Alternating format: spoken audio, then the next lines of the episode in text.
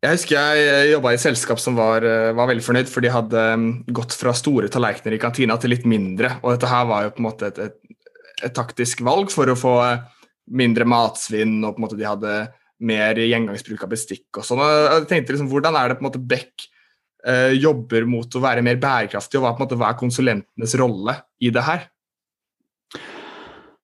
Altså det, det, mest generelle svaret på det spørsmålet eh, er vel kanskje at eh, konsulentenes rolle er jo å, eh, å hjelpe kundene sine eh, med å lage eh, attraktive, realiserbare og lønnsomme produkter. Eh, og at det er vår rolle egentlig å hjelpe våre kunder med å bli flinke på å lage tjenester og produkter som, som deres kunder finner attraktive og som de har lyst til å bruke.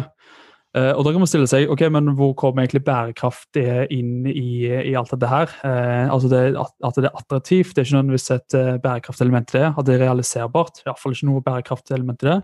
At det er lønnsomt. Kanskje enda verre å finne et bærekraftelement i, i, i akkurat det. Så, så, da er det litt vanskelig å svare på ok, hva er konsulentenes rolle i, i, det å lage eller være med å utvikle bærekraftige produkter. Det er det, svaret på det er jo litt sånn sammensatt. da. Eh, men, men, tanken er jo at vi skal hjelpe våre kunder, og da er vi jo nødt til å ta inn over oss at vi òg eh, har en rolle i å være førende i hva våre kunder bør mene er viktig. Og Det er jo kanskje ja, en rolle som, eh, som, som, jeg mener at vi som konsulenter bør ta, og peke på for kunder at det er bærekraft. Det er noe som både kunden din er opptatt av, og som vi mener er viktig. Ja, og det er jo liksom du sier, Snorre, at det er noe kundene tenker på i større grad. og Man ser jo at bærekraftige måte, folk blir mer klimabevisste, ønsker å begrense sin um, påvirkning på klima. Uh, og, og, da er det jo også egentlig litt vårt ansvar som, som konsulenter da, å løfte de behovene uh, til kundene våre eller bedriftene. Da. Så det er, måte, det er den ene siden av det, at vi må måte bistå brukerne i deres bærekraftige verdiskapning som gjør, vil da gjøre igjen produktene mer attraktive. Og så er det jo også bedrifter som ønsker å bli mer bærekraftige, men som ikke helt vet hvor de skal ta tak. da. Og så Sånn sett så havner vi litt mellom disse to her, og har ansvar overfor begge brukergrupper. da. Men det er jo så mange her også som på en måte i Norge som allikevel ikke er så klimabevisste. Eh, og et buzzword på på NHH, eh, hvor jeg studerer, har liksom vært det her med, med grønn nudging. Eh, hvor man på en måte, Det kan være alt fra at, eh, at uh, merkevarer i, i, butikken er merka med eco-friendly eller, eller sånne type ting. Hvilke, hva er det, på en måte, hvilke ansvar er det selskaper har overfor å, å på en måte nudge disse her konsumentene mot forbrukerne mot, mot noe mer bærekraftig? Det som er kanskje litt viktig å ta med seg her, da, og, og sånn, spørsmålet er veldig, veldig viktig å, uh, å, å liksom ta med seg i produktutvikling. fordi at eh, vi som mennesker har jo holdninger som gjerne svinger eh, over tid.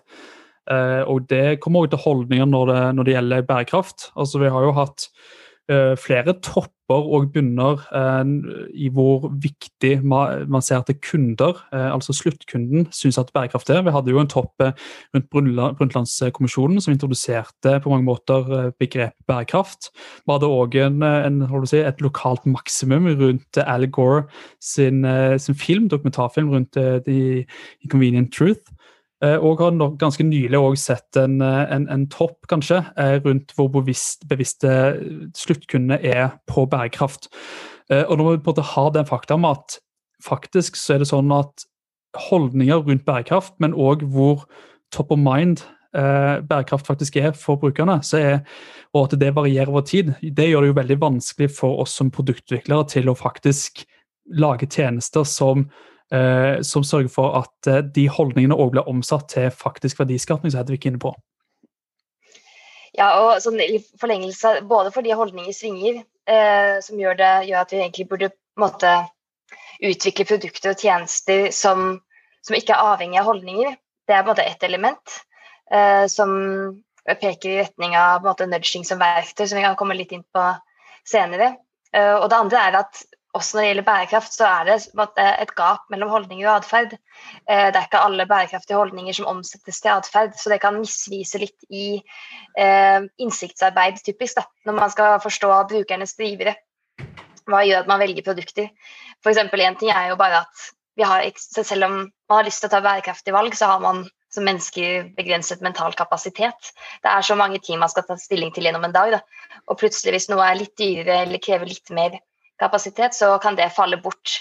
Eh, siden det er på en måte effekter langt frem i tid som påvirker samfunnet fremfor individet. da, i stor grad. Så det er, det er mange ting som gjør at, at vi egentlig burde produsere både bærekraftige løsninger for den gjengse brukeren, da, og at det ikke skal kreve noe mer av brukeren nødvendigvis. Og da er det jo, som du tar opp, Elias, veldig interessant det med grønn nudging. Og hvilke, hvilket potensial som ligger i det. Hvis jeg bare får bryte inn, altså, nudging, har du en god definisjon på det, Hedvig?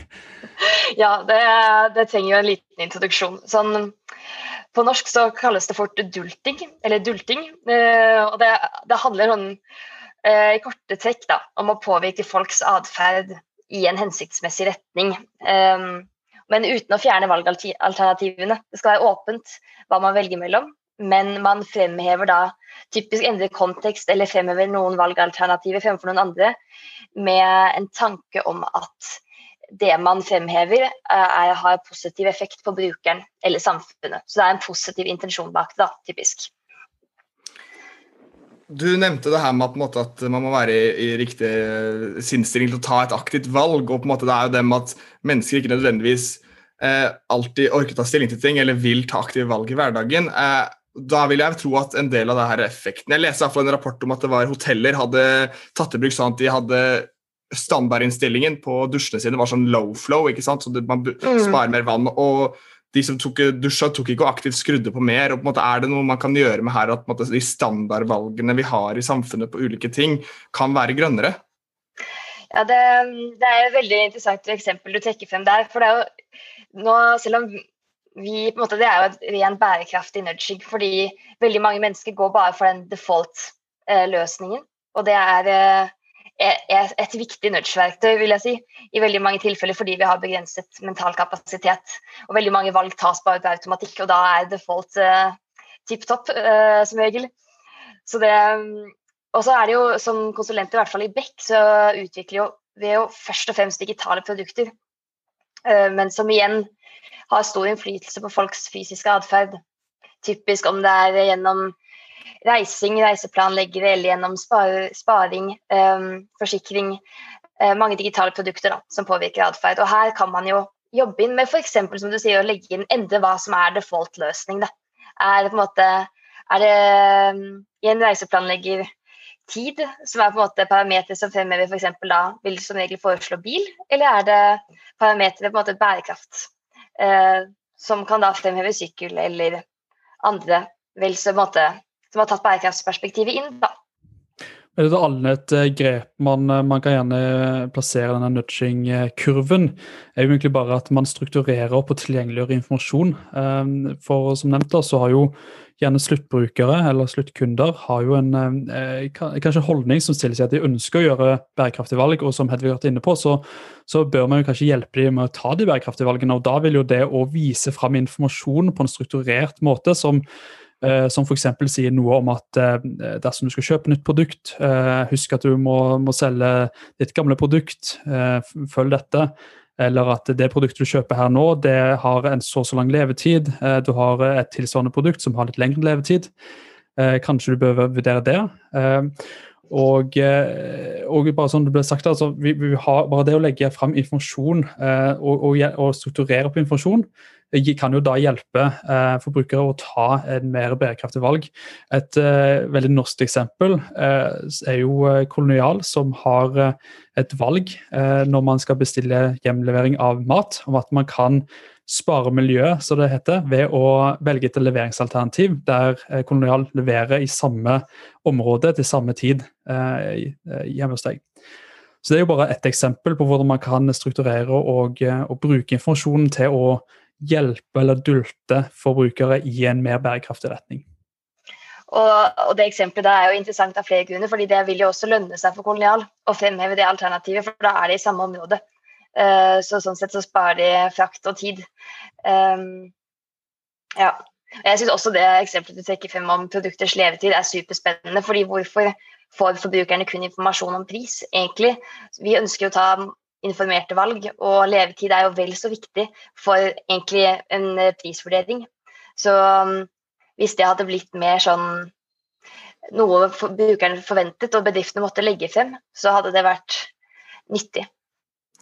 Jeg syns det er interessant det her med kolonialeksempelet også, Snorre. fordi um, hvis, jeg tror også det, det jeg har lest med tanke på nudging, at det er, det er veldig sånn identitet er viktig. og på en måte Hvis hele nabolaget går og plukker opp eh, kolonial på, på, torsdagen, så vil ikke du være den eneste som får det levert på døra når alle andre går dit. Jeg leste et eksempel eh, en gang et, et studie på 80-tallet hvor, hvor, det var utrolig mye forsøpling langs motorveien i Texas, og så hadde han en sånn kampanje sånn Don't mess with Texas, hvor på en måte poenget var å, å, å, forminske forsøpling, og de bare forminska vel forsøpling av motorveien 70% på tre år, fra 87 til 90 eller noe sånt. og det er på en måte det her Identitetserklæringen virker veldig spennende. Er det noe man kan i større grad inkorporere hos, hos norske selskaper som konsulenter? Er det mm.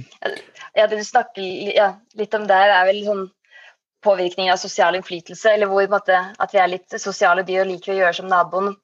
Og det er jo også noe man på en måte kan introdusere i større grad, da, synliggjøre hva andre velger. F.eks. hvis folk pleier å velge produkter med lengst forventet levetid, synliggjøre ti av tolv har valgt dette, dette alternativet, eller um, Det er jo også bare sånn sosiale medier, måten man bruker likes på, Uh, er jo en måte å nudge folk i en retning hvis man bruker det på riktig måte. da. Og som en del av det så kan man jo si at uh, gamification er jo også et viktig virkemiddel uh, i, i grønn nudging. Nettopp fordi at det oppfordrer til et visst atferdsmønster uh, hos brukeren. Uh, og Det kan både henge sammen med, med hva, som er, uh, hva, som finnes av sosial innflytelse, men, men bare det å, å, utvikle tjenester som gjør at miljøet blir engasjerende og kanskje hjelper folk med å, å, å si, tilegne seg større engasjement rundt uh, det å ta bærekraftige valg, så man, kan man gjøre ganske mye innenfor i alle fall digitale produkter. Ja, Veldig veldig spennende. og eh, for det, det som jeg har tenkt litt på, for du om det her, det er sånn, nesten litt sånn syklisk når man bryr, bryr seg om eh, eller på en måte, det, er, det, går veldig i, i, i sykluser. jeg vet ikke helt, men det er, det er, sånn jeg føler som at informas offentlige informasjonskampanjer eh, som har spilt på en måte hardt på følelser og bekymringen, har på en måte vært veldig effektive når det kommer til å få oss til å slutte å røyke, eller å ikke kjøre når man er i påvirket tilstand, eller bruke sikkerhetsbelte. Men det virker som at eh, når Karsten Warholm sier de skal pante eller Atlante og som sier de skal resirkulere, så har det ikke like stor effekt. Eh, på hvert fall, det er jo, så har jeg ikke noe tall på det, men ut fra mine venner i, i Bergen, altså kanskje ikke helt så flinke til å resirkulere eller pante. da. Det, jeg synes det er på en måte rart hvordan det ene har hatt så stor påvirkning, ikke det andre. Mm. Det, er, jeg tenker sånn, det handler nok litt om, uten at jeg har fasiten på det, så handler det nok litt om at vi er jo også litt irrasjonelle som mennesker, og noen ting sånn som røyking da, påvirker individet konkret. Sånn, jeg kan veldig tydelig se egne helsegevinster, eh, og ganske sånn i nåtid. Eh, mens når det gjelder på en måte klimautfordringen og bærekraft, så er det fort på en måte effekter ikke på individnivå. Og eh, men for samfunnet. Og på en måte effekten vil mest sannsynlig materialisere seg på ganske lang sikt fremfor i nåtid. Da, og da er det vanskeligere, tror jeg, eh, eller det ser man jo også sånn i atferdspsykologien, at eh, mennesker vekter sånne type ting ulikt. Og derfor er det nok lenger unna på en måte hverdagsbeslutningene enn eh, en f.eks. røyking eller andre sånne store holdningskampanjer. Da. Og Derfor er det gjerne også et ganske stort spenn mellom et, eller et gap mellom hvor bærekraftig man kanskje som forbruker ønsker å være, eh, og hvor bærekraftig valg man, man faktisk tar i hverdagen. Nettopp fordi at mm. man ikke ser den reelle eh, innvirkningen eh, i, i nåtid, som Hedvig er inne på. Og så må man jo som selskap investere litt. Det, måte, det koster jo å, være, å bli svanemerket, svanemerket investeringsfond, for det koster jo penger. Da, så man må jo aktivt gå inn som selskap for å faktisk ville vise at man er bærekraftig, eller en bærekraftig løsning. Det er klart. Samtidig så finnes det jo eh, vanvittige inntjeningspotensialer ved å, å, basere forretningsmodellen sin på eh, nettopp det å, å hjelpe eh, kunder og forbrukere i, sin bærekraftige verdiskapning. Men det kan vi jo prate om senere. ja, nei, det er et spennende tema, så det blir nok uh, vi hører. Drypp er en lavterskelpodkast fra Beck, hvor vi diskuterer diverse temaer som interesserer oss. Og Hvis du har et tema som du har lyst til at vi skal snakke om, eller du vil være med på en innspilling, ta kontakt på drypp.beck.no.